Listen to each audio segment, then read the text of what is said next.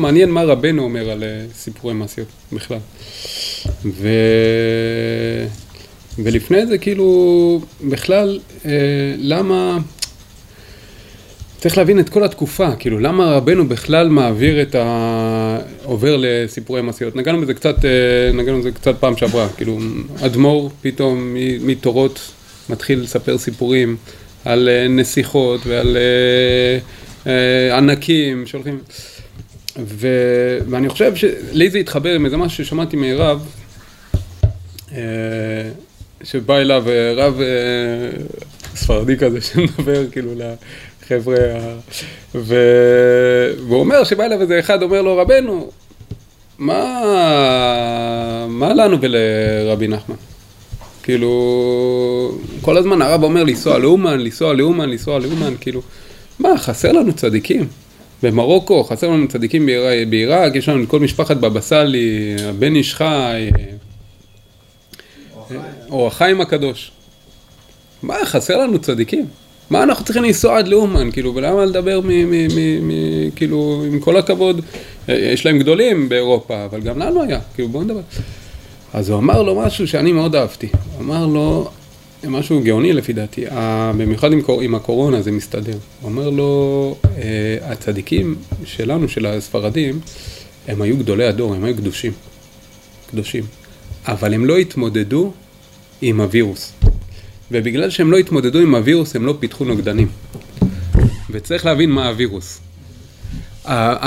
הווירוס, כאילו, אם נכנסים לזה, הוא לא, הוא, לא, הוא לא נכנס לזה, אבל כל אחד יכול להבין שבעצם הווירוס הוא, הוא, הוא התרבות המערבית, וזה מה ששולט היום. מה ששולט היום זה התרבות המערבית, זה העולם המערבי.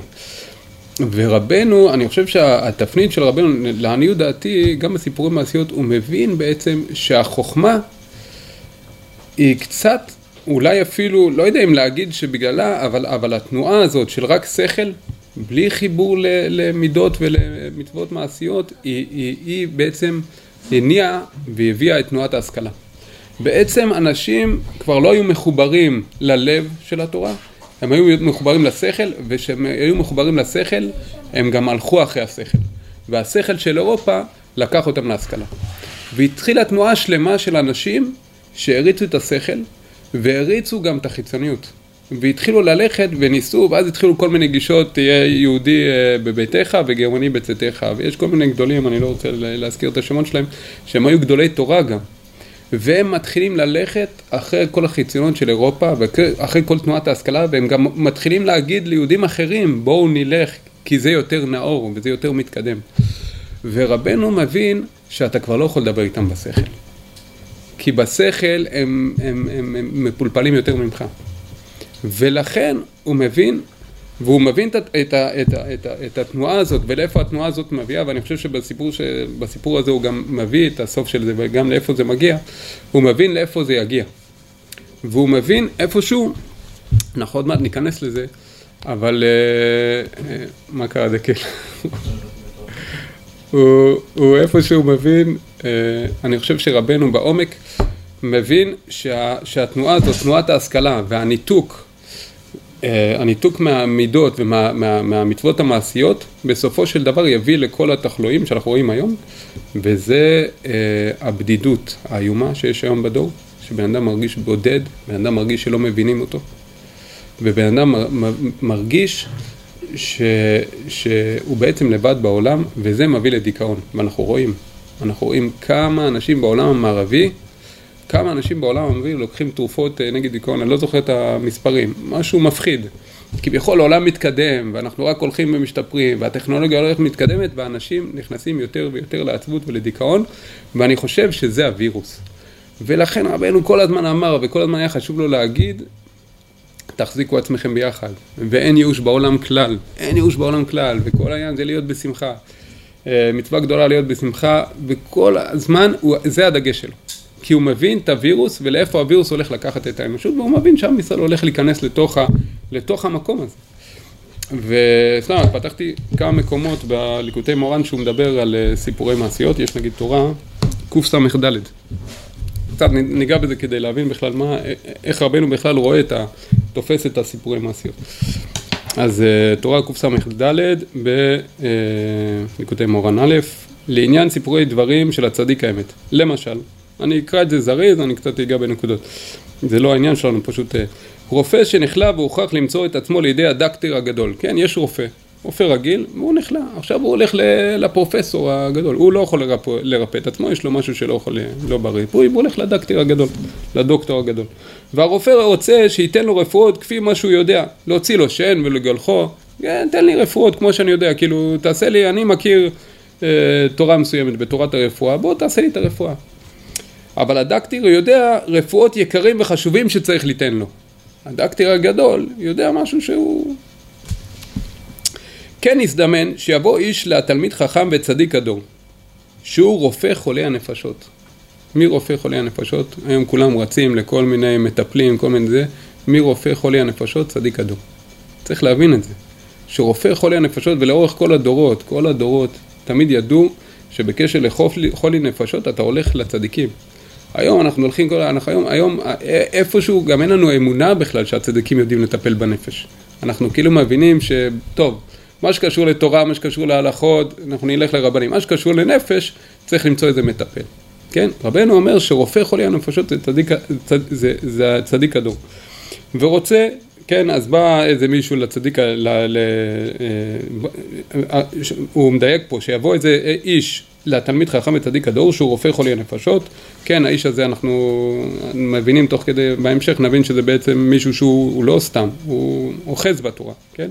והוא מגיע לצדיק הדור, ורופא שייתן לו, ורוצה שייתן לו הצדיק רפואות, היינו הנהגות ודרכים, כפי מה שהוא יודע. כן, הוא יודע איך, כאילו מה הצדיק צריך לתת לו, והוא כבר בא לצדיק, מה זה.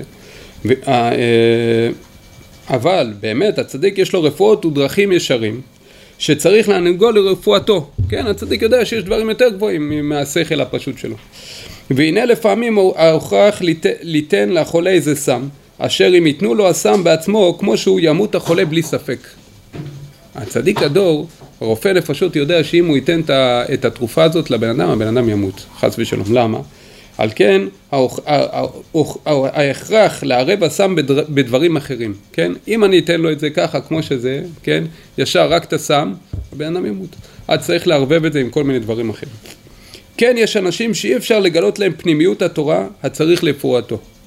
כי התורה היא רפואה, כמו שכתוב, רפואות תהי לשרך. מה, מה, מה הרפואה? התורה.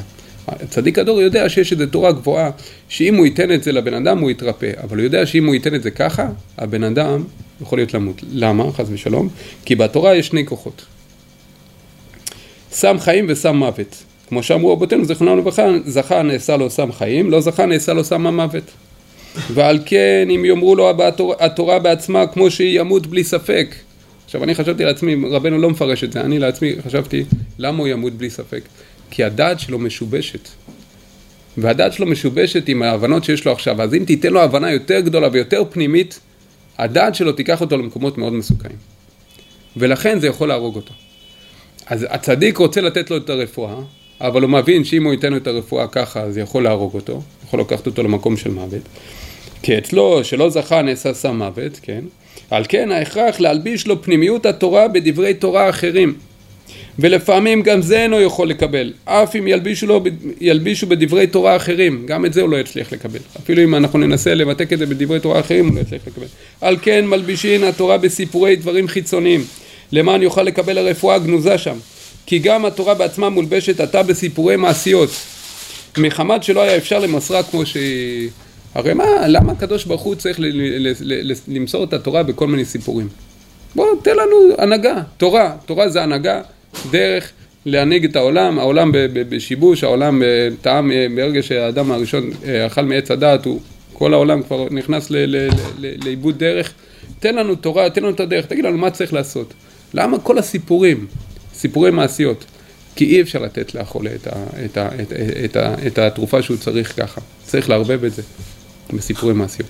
עכשיו יש עוד uh, תורה, כמובן שלא ניכנס לכל התורה, אני רק נוגע בנקודות, יש uh, תורה סמך, שהיא כשלעצמה תורה, ותורה סמך בו', גם עוד פעם על סיפורי מעשיות, אני מדלג, אני פשוט קופץ על זה, ואני גם אקרא את הנקודות, אני לא... כי יש בני אדם שישנים את ימיהם. ער על פניו, אבל הוא ישן. ואף שנדמה לעולם שהם עובדים את השם, לא מדובר על אנשים, הוא לא מדבר על בן אדם בשוק שלא מכיר את התורה, בן אדם שלומד תורה ונראה על פניו שהוא לומד תורה והוא זה, אבל הוא ישן.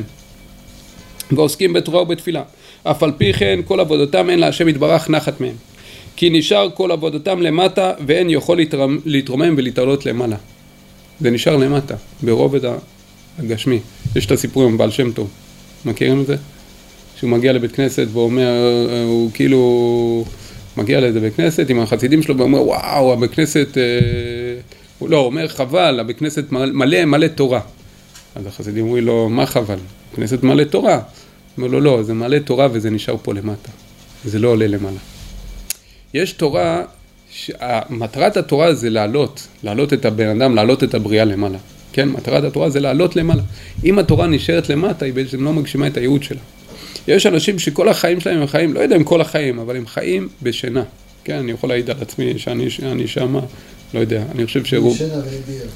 אני ישנה וליבי אני מקווה לפחות שהלב ער, אבל אנחנו ישנים, רובנו, בואו נודה על האמת, כאילו אתה לא... למטה מבהמה לבן אדם או... אני לא יודע בדיוק מה... לעלות.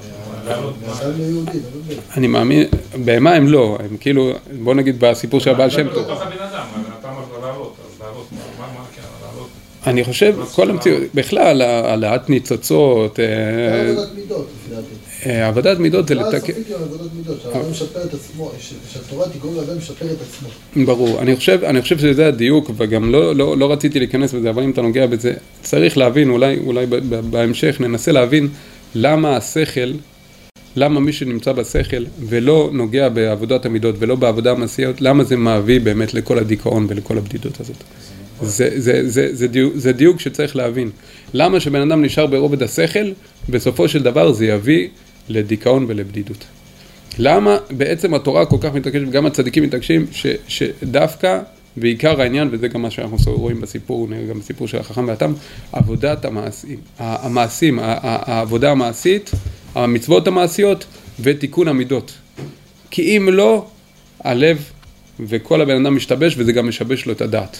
ומגיעים להפקרות ו- ו- וכל תנועת ההשכלה ומלא, גם יש תנועות היום שאומרות שהכל פסטורלי, התורה דיברה במשלים, זה לא באמת צריך לעשות את הדברים, כן? זה הכל משלים והכל uh, סיפורים, וזה בעצם דברים רוחניים וזה דברים קבליים ולא צריך... מה? מה זה? הנצרות. זהו, זה בעצם מביא לנצרות. כל הרבה מגדולי המשכילים היהודים כן, עוד פעם לא נזכיר שמות, יש גדולים שהם היו גאונים, פרופסורים ומדענים גאונים. הרבה מהילדים שלהם התנצרו. הרבה מהילדים שלהם. למה? כי זה, זה, זה, לשם זה מוביל. אז בואו נחזור רגע לתורה, אף על, פי, אה, אה, אף, אף על פי כן כל עבודתם אין להשם יתברך נחת מהם כי נשאר כל עבודתם למטה ואין יכול להתרומם ולהתעלות למעלה, כן? עכשיו אני קצת, בוא, בוא ניגע בזה. כי עיקר החיות הוא השכל, כמו שכתוב, החוכמה תחיה את בעליה, וכשהעבודה היא עם שכל, משימה בה חיות שתוכל להתעלות. כן, שיש בה שכל, כן, ושכל פה רבנו מדבר גם בתורה א' וזה, ואנחנו רואים עד כמה רבנו מעריך את השכל. כן, ואז שאלה, למה בחכם והטעם אתה כל כך מזלזל בחוכמה? אבל רבנו לא מזלזל בחוכמה, הוא מזלזל בחוכמה מסוימת, בחוכם.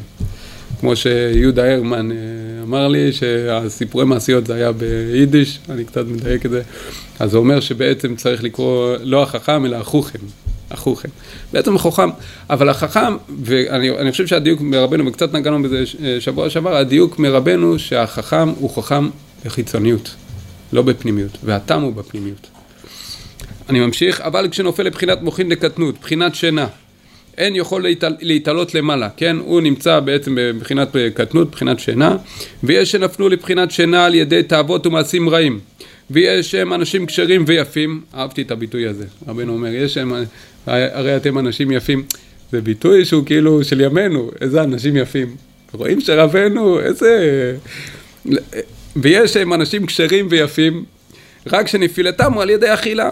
כי לפעמים כשאוכל האדם מאכל שלא נתברר עדיין למאכל אדם, על ידי זה נופל מוחו לבחינת שינה. זה קצת אה, מבחינת אה, בהמה, מה שדיברת, מה שדיברת, שאם אה, רבנו גם אומר בתורה אחרת שבעצם ה- יש רמות בבריאה. יש את הדומם, יש את הצומח, ואז יש את הבהמה שאוכלת את הצומח.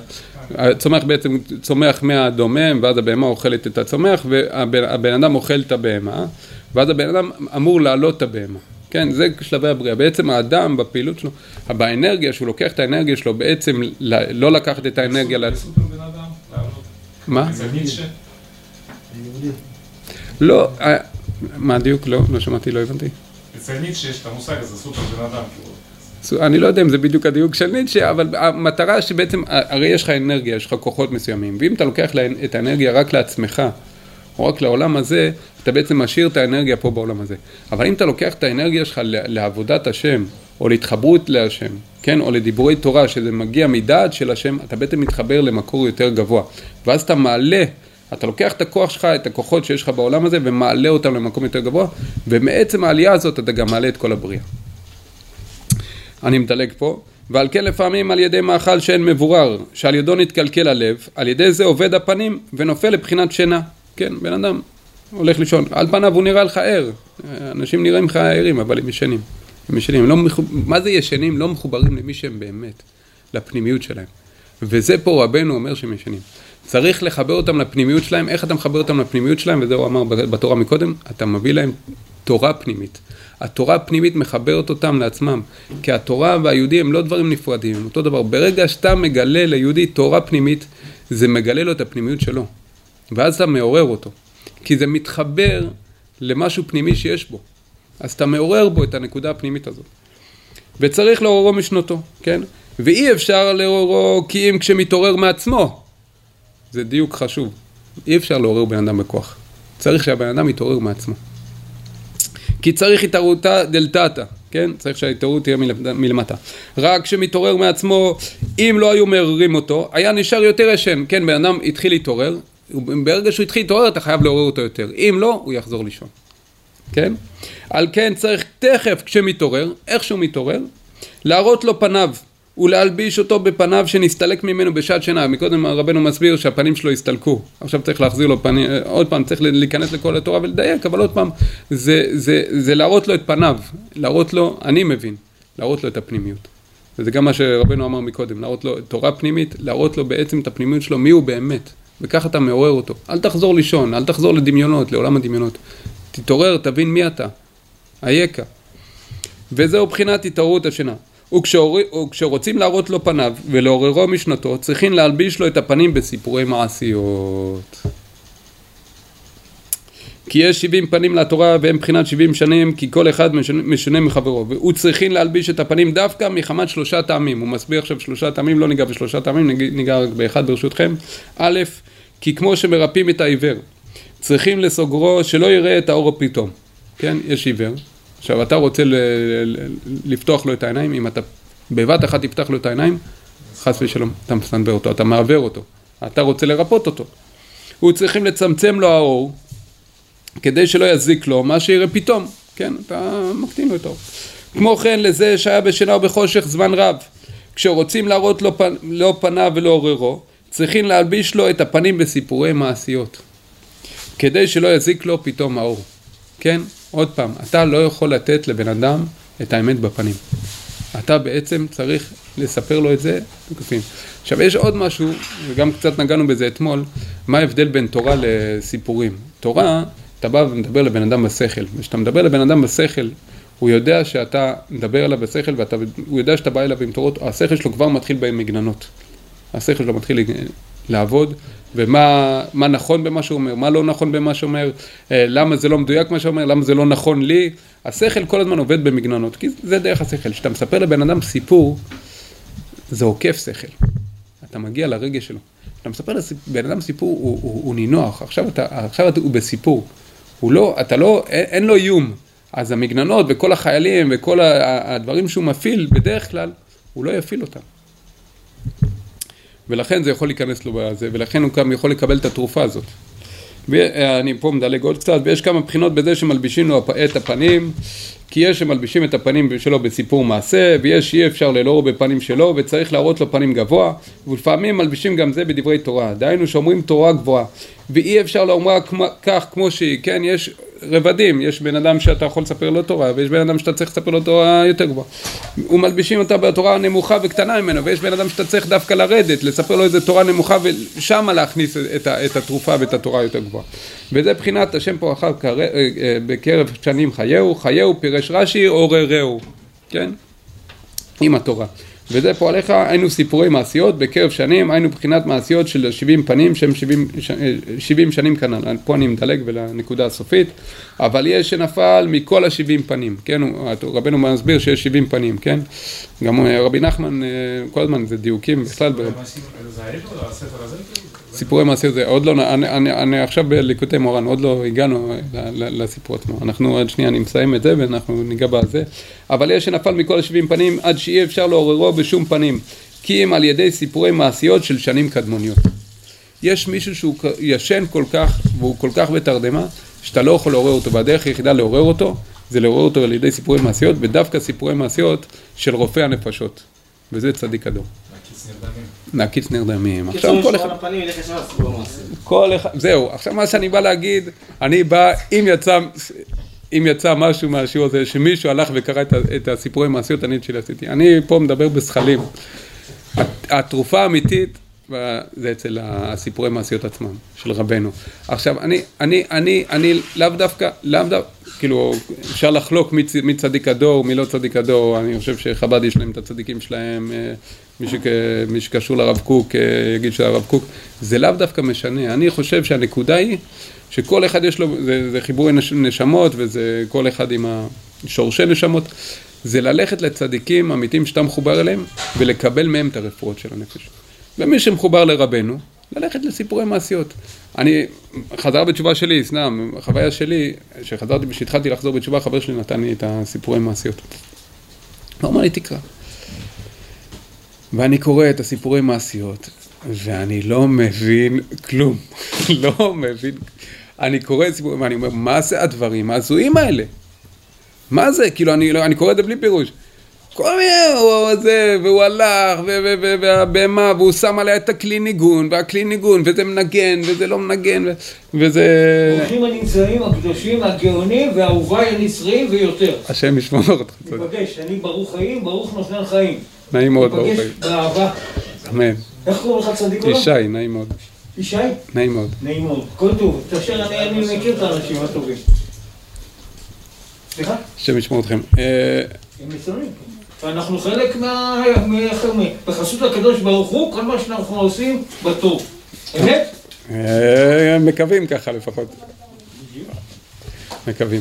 כל טוב להתראות בינתיים. כל טוב. איפה הייתי? מחילה? מקלים מתנגד. מקלים מתנגד. אני קורא את זה, אבל משום מה, אני ממשיך לקרוא את זה. אני ממשיך לקרוא את זה, כאילו, כאילו משהו בתוכי אומר לי, תמשיך, תמשיך לקרוא את זה, בלי שכל, בלי שכל.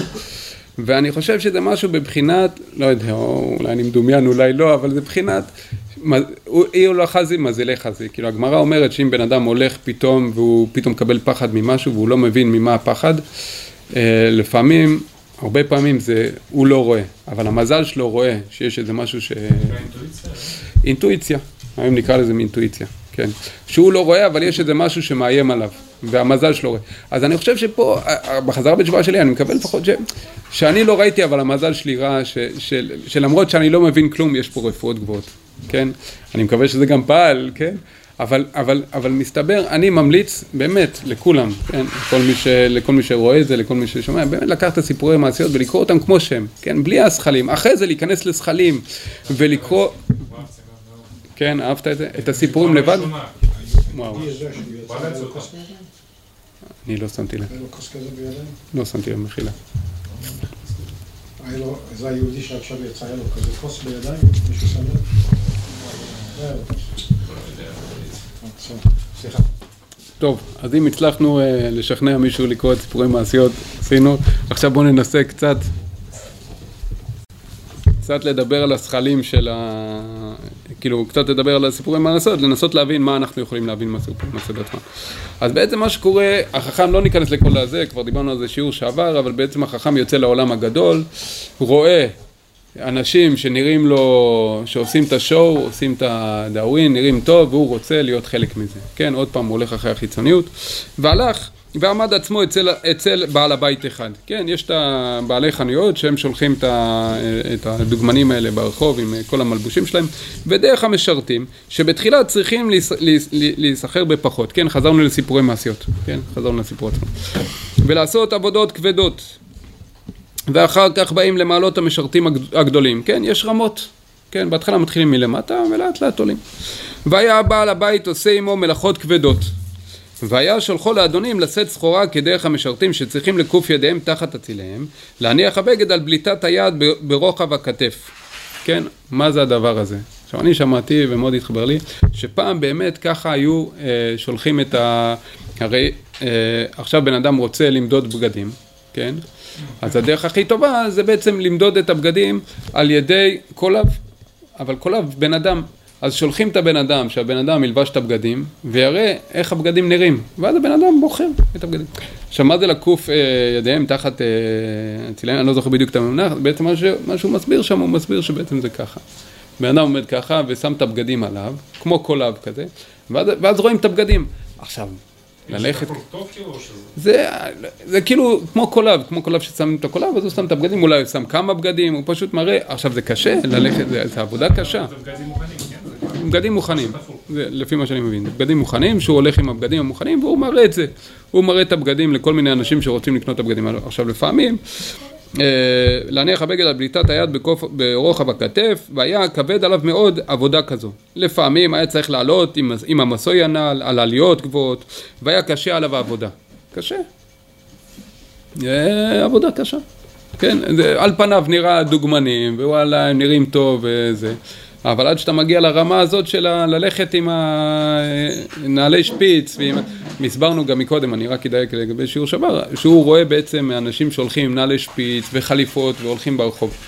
אז, אז, אז פעם זה, לא היו uh, מודעות ברחוב ולא היו uh, פרסומות. אז מה היו, מה היו בעלי החנויות עושים? כאילו יש עכשיו איזה נגיד קסטרו או כאלה, כן? הם היו מלבישים בשיא האופנה איזה בחור, אתה יודע, היו כנראה בוחרים אנשים שנראים טוב, שעושים את השואו, דוגמנים, דוגמנים. מלבישים אותם יפה ונותנים להם להסתובב בשוק, וכנראה מאחורה נגיד היה רשום להם קסטרו, שידעו מאיפה הם באים. אני, ואז, ואז הבן אדם היה רואה את זה ואומר, וואו, הוא נראה טוב, וואו, הוא נראה מיליון דולר, ואז הוא היה מסתכל ורואה קסטרו, הוא נכנס לחנות. אז הוא רואה את הדוגמנים האלה, וזה נראה לו טוב, עושים את השואו, עושים את ההצגה, אז הוא רוצה להיות, אבל מה לעשות שצריך את העבודה הקשה לפני? אתה לא ישר מגיע ל... ענה לי מעניינות גבוהות, והיה קשה עליו העבודה, וישב עצמו, כי היה פילוסוף בר הבנה, מה לי לעבודה זו? אה, רגע, סליחה, אני מדלג פה שנייה. אה, כן, הוא מבין שזו עבודה קשה. בסופו של דבר הוא צריך להתחיל מלמטה וצריך לעשות עבודה קשה, והיה קשה עליו עבודה, וישב עצמו. הנה הוא יושב עצמו, כן, רבנו אומר כל הזמן יושב עצמו, הוא כאילו, הוא מתבונן, עכשיו החכם הזה מתבונן, הוא עוצר רגע, מיישב את עצמו ומתבונן, כי היה פילוסוף בר הבנה. אני חושב שבאיזשהו מובן, איזשהו מובן, אה, רבנו אומר את זה בציניות. הוא מיישב את עצמו, למה? כי היה פילוסוף בר הבנה. כן? הוא חכם, אז מה הוא עושה? הוא עכשיו, אה, יש לו איזה משהו קשה שהוא צריך לעשות, עבודה קשה, אז הוא עכשיו מיישב את עצמו. מה לי לעבודה זו? מה אני צריך את זה? זה חכם שאני פספסתי. זה החכם. עכשיו הרבנו מדבר רק על החכם, בינתיים, הוא מתחיל עם החכם. עוד מעט, אה, טוב, אולי ניגע בזה עכשיו, למה רבנו מתחיל בחכם? ולמה רבנו גם נותן לנו להתחבר לחכם, הוא לא מזלזל בחכם. הוא לא עושה את החכם איזה טמבל כזה, הוא איזה מישהו הזוי, הוא עושה את החכם מישהו שכל אחד, לפחות אני, יכול להתחבר אליו. שאתה אומר בואנה, זה באמת, למה? כי הרבנו מדבר לחכמים, הוא מדבר אל, אל כולנו, הוא כבר מדבר אל דור של חכמים, הוא לא מדבר אל דור של תמימים. וכדי להתחבר, וכדי שבן אדם יבין את הסיפור, ולא, עכשיו אם אתה בא מזלזל בחכם, והולך ומעריץ את זה, אז, אז, אז זה לא מתחבר אליי, אני לא יכול להתחבר לסיפור. כן, אני כאילו לא מתחבר לאיזה שאתה מזלזל בחוכמה והולך... אז קודם כל רבנו מראה שהחכם הוא חכם. והסברות שלו הן סברות נכונות, וזה גם מתחבר אליי. ואז אני יכול להתחבר לסיפור ואני יכול להיכנס לזה. ואז רבנו לאט לאט, בעדינות שלו, דרך הסיפור, הוא מראה לאיפה, שהוא חוכם. לאיפה החוכמה הזאת יכולה להוביל. ומה התמימות, התמימות והפשיטות, ואם כבר דיברנו על המשכילים ועל זה, צריך לזכור שגם בתנועת המשכילים, יש לך את תנועת המשכילים שהם חכמים, והם פילוסופים, וכאילו מתקדמים, ויצא לי לשמוע איזה שיעור על משכיל, והפרופסור שם מהלל את המשכיל ואומר, המשכיל הזה, איך אהבו אותו בגרמניה, הוא, הוא, פירש, הוא פירש את התנ"ך לגרמניה, לא נגיד את השם שלו, ו... והוא היה פילוסוף ענק, הוא, היה, הוא גם זכה בכל מיני תוכניות וזה, והגרמנים אהבו אותו ועשו פסלים ממנו, ועשו, אה, ויש כל מיני כוסות שמוטבע עליהם הפנים שלו, כאילו באמת, יש פה איזה, יש פה איזה משכילים שהולכים, והאירופאים הולכים ומעריצים אותם. ויש את החסידים בשטיטל הנמוך והקטן שמתחילים לרוץ עם החליפ...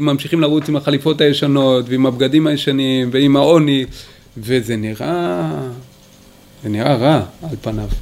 מי שמסתכל מבחוץ רואה את האנשים המסכנים האלה וזה, ו, ו, ורואה את האנשים, האלה. אבל אם אתה נכנס עמוק יותר, אתה, אתה רואה... אה, היינו בדוד המלך, עוד שנייה, אני, אני אחזור בזה, היינו, היינו בדוד המלך, סתם הסתובבנו שם בקשר לאיזה איזה סרט, לא משנה.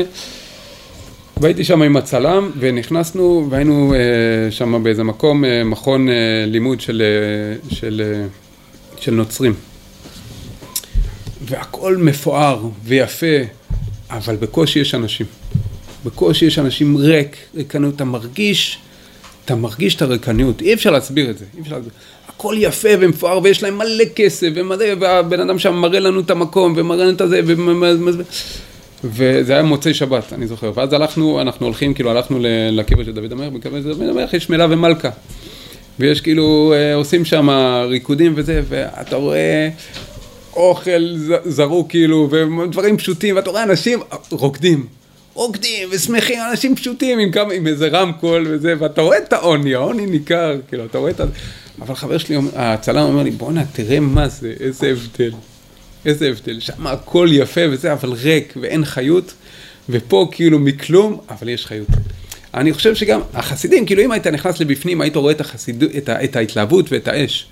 אבל על פניו, מי שמסתכל רק על החיצוניות של הדברים, זה נראה, זה נראה הסיפור של החכם והתם. יש פה חכם ויש פה תם שנראה טוב, והוא פילוסוף והוא, והוא חכם, ויש פה אנשים, לא נעים להגיד, אבל קצת לא חכמים, ולכן הם כאלה שמחים וזה, ותן להם עוד קצת יין ושישמחו, כאילו, זה, זה, זה התמונה. כאילו, ב, ב, ב, ב, בתקופה הזאת של רבנו, ו, ורבנו בגלל זה מכניס את זה, והוא לא מדבר על חסידים ו, ומשכילים. הוא מספר לנו סיפור שלא קשור בכלל לתורה, הוא לא מדבר על התורה. הוא לא מדבר על התורה, הוא מספר לנו סיפור סתם. בואו תשמעו סיפור, ודרך זה הוא, הוא, הוא, הוא, הוא נוגע בנקודות החשובות האלה, לעניות דעתי. כן, ועוד פעם, הדיוק שאז לא ראו לאיפה זה מוביל. רבנו עם הגאוניות שלו, איזה הוא חכם הרואה את הנולד, יש תנועות נפש ויש תנועות שרק אחרי דורות שלמים מבינים לאיפה זה מוביל. רק אחרי דורות שלמים מבינים, וה, וה, והצדיקים יכולים לראות את התנועה הזאת עכשיו, לאיפה זה הולך להוביל. וכבר עכשיו להצ... להמציא לך תרופות, כי הם יודעים שבדורות הבאים, ואומרים שדורים, ורבנו, ובכלל הרבה מה- מה- מה- הדור, לא דיברו אל הדור שלהם, הם דיברו אל הדורות הבאים, כי הם ראו מה הולך לקרות, והם הבינו, בחור בן 18, מגיע בחור בן 18 ורוצה להצליח בחיים, ויש לו את הבחירה בין המשכילים, הנאורים, המצליחים, לבין העניות הזאת, והשטיטל, והדברים הפשוטים, ו... הוא כמעט, כמעט ואין לו בחירה. כמעט ואין לו בחירה. אם הוא באמת הולך אחרי השכל שלו, ואם הוא באמת חכם והוא מכבד את עצמו, הוא, הוא נמשך אוטומטית למקום היותר, היותר, היותר בריא והיותר, היותר, אה, שנראה יותר טוב. עכשיו אותו דבר, אבל עכשיו אנחנו כבר מתחילים לראות לאיפה זה הוביל את האנושות. עכשיו אנחנו כבר מתחילים לראות את התוצאות של, ה, של, ה, של, ה, של לאיפה זה לקח אותנו. כן, עדיין, אנחנו עדיין לא שם, כן, אנחנו בתחילת התהליך. אני חושב שגם פעם, לא יודע, בוא ניגע בזה קצת, פעם הרפואות, פעם הרפואות הם היו בגוף. כאילו היית הולך לרופא, הוא היה מבין שהוא היה, היה מנסה לתת לך רפואות בגוף. הוא לא, היית מתחיל לדבר איתו נפש, ההורים שלי עשו לי ככה, וכשהייתי ילד קרה לי ככה. מה אתה רוצה? מה כואב לך? מה כואב לך? כואב לך יד? בוא, בוא, נר, בוא נרפא את היד, כאילו מה אתה מבלבל לי את המוח? היום אנחנו עברנו שלב וכל ההתפתחות וכל ה-new age, כן, עם כל, ה, כל המחלות שזה הביא לנו, זה הביא לנו גם הרבה דברים טובים, כן, צריך לזכור, זה לא רק דברים רעים, כן, יש הרבה דברים טובים בזכות החוכמות האלה, כן, יש, אה, טוב, אני עף מדבר לדבר, אולי עוד ניגע בזה, אבל יש הרבה דברים טובים, וגם החוכמות האלה זה חוכמות אלוקיות, כן, צריך לזכור את זה, זה, זה הקדוש ברוך הוא, זה חלק מהמהלך, לפתח גם את העולם החומרי, כן? אבל עם הפיתוח של העולם החומרי, אני חושב שלאנשים נהיה יותר זמן, כן? ויש יותר פנאי ויש יותר זמן לעסוק. פעם בן אדם פשוט היה עסוק, הוא היה חייב להמשיך לשרוד. היום, בגלל שיש יותר זמן, יש זמן לחשוב, ויש זמן גם להבין, ויש זמן להתעמק, ואז בן אדם מתחיל לאט לאט עם, עם, עם התפתחות, להבין שהרבה מהמחלות הגופניות הן גם מושפעות מהנפש. ואנחנו היום בשלבים, כן, אנחנו לאט לאט מתקדמים לשם, בשלבים שהרבה, גם הרפואה המודרנית מבינה שהרפואה המודרנית, הרפואה הקונבנציונלית יכולה להגיע עד לשלב מסוים, כן, יש שלבים שמדובר בנפש, שזה שלב כבר מעבר, שלפעמים יש בן אדם שהוא תקוע בנפש וזה משפיע עליו גופנית, כן, היום הרבה מבינים זה גם הרפואה הקונבנציונלית, אני חושב שהשלב הבא בהתפתחות האנושות, אני, אני, אני חושב, זה להבין שזה בכלל הכל רוחני. זה אם, ואם תרפא את הרוח, ממילא הרוח תרפא את הנפש והנפש תרפא את הגוף, כן? עדיין לא הגענו לשלב הזה, אנחנו, אנחנו, עוד פעם, זה הכל שלבים והכל, העולם מתקדם, והעולם הוא בתהליך של גאולה. בתהליך של גאולה גם צריך לעבור דרך החומר, כן? כמו איזה, כמו, כמו משהו יפה ששמעתי, שמעתי, ונסיים עם זה. פעם הבאה תזכירו לי, ניגע קצת בזוהר, שהזוהר מדבר על בשנת ה-600 לשנה שש אלף, כן, ייפתחו מעיינות החוכמה. ניגע בזה פעם הבאה, בעזרת השם בלי נדר. דבר קטן, שמעתי איזה צדיק בתחילת התשובה, שהוא דיבר, שהוא אמר שפעם היית אומר לבן אדם, אתה יודע שאתה יכול לדבר עם מישהו טלפתית? שהוא גר במדינה אחרת? הוא היה, סביר להניח שהוא היה או מאשפז אותך או מתרחק, כאילו, לא, כאילו, טלפתיה עם מישהו אחר במדינה אחרת, כאילו, לא... והוא מסביר איך בעצם עולם החומר מביא אותנו לנקודה הזאת, כן? ואז הוא אומר, פעם הטלפון, הוא אומר, הטלפון, איך הטלפון התחיל? במורס, כן? היה, היה את ה... שלב יותר מתקדם, זה היה עם הכוסות, שבעצם דיברו עם החבל, כן? משהו מאוד uh, בסיסי, אחרי זה מורס, שזה התקדם כבר, ולאט לאט זה התקדם, ואז הגענו לשלב של הטלפונים הענקים, מכירים את זה בסרטים הישנים, יש את הטלפון הענק, והוא מדבר, הוא מחייג, כאילו, הוא מדבר לתוך המיקרופון, משהו בומבסטי כזה. ולאט לאט זה הלך להיות uh, טלפונים uh, ביתיים עם uh, מחוגים, גם משהו גדול, אבל עדיין זה כבר, זה כבר גודל uh, סטנדרטי, נורמלי. ובאיזשהו שלב הגענו לטלפונים אלחוטיים. אחרי הטלפונים האלחוטיים בתוך הבית. כן, עדיין אה, לא היו בחוץ, ואז התחילו הטלפונים האלחוטיים, זה התחיל עם הבננה, לא יודע עד כמה כמה אני זוכר, אני זוכר בתור ילד שמי שהיה לו בבננה הוא היה מיליונר, מיליונר, כבשו אותו. אבל בהתחלה זה היה, דרך אגב, אני לא ידעתי את זה, סיפרו לי את זה אחרי זה, זה היה במזוודות, מזוודה ענקית כזאת, ואחרי זה זה נהיה בננה כזאת, משהו עוצמתי, לאט לאט לאט לאט לאט לאט לאט, אם נשים לב, הדברים הולכים ומתקטנים. הדברים הולכים ומתקטנים, עכשיו כבר מבלוטוס קטן, יש את השעונים החכמים, מדברים כזה, באיזשהו שלב זה כבר יהיה צ'יפים קטנים, שעם צ'יפ קטן, חס ושלום לא במוח, אבל אולי גם נגיע לשלב הזה לפי, אה, איך קוראים לו, אה, לא ביל גייטס, אה, נו, איך קוראים למיליונר השני? מאסק, שהוא כבר מפתח, לא משנה, אנחנו נגיע למצב שעם צ'יפ כזה קטן, אתה יכול לדבר עם מישהו באוסטרליה. עכשיו, אתה בא אל בן אדם, אל ילד שגדל בתרבות כזו, בדור כזה, שהוא עם צ'יפ קטן, יכול לדבר עם מישהו באוסטרליה, אתה אומר לו, אתה יודע ש... גם בלי הצ'יפ הזה, הקטן הזה, אתה יכול לדבר עם מישהו באוסטרליה? אז זה מסתדר לו בשכל. כאילו, זה, אנחנו עדיין לא שמה, כן? מסתכלים עליי פה, אבל אפשר, אם עם הצ'יפ הקטן, הפיצי הזה, אני יכול לדבר עם מישהו באוסטרליה, אז אולי גם בלי הדבר הקטן הזה, אני יכול לדבר עם מישהו באוסטרליה. עוד פעם, עדיין לא הגענו לשם, קשה לנו... אנחנו, אה, הוא משהו, יכול להיות, יכול להיות שגם, יכול להיות שגם שם אפשר לחייג, אני לא יודע איך אה, זה.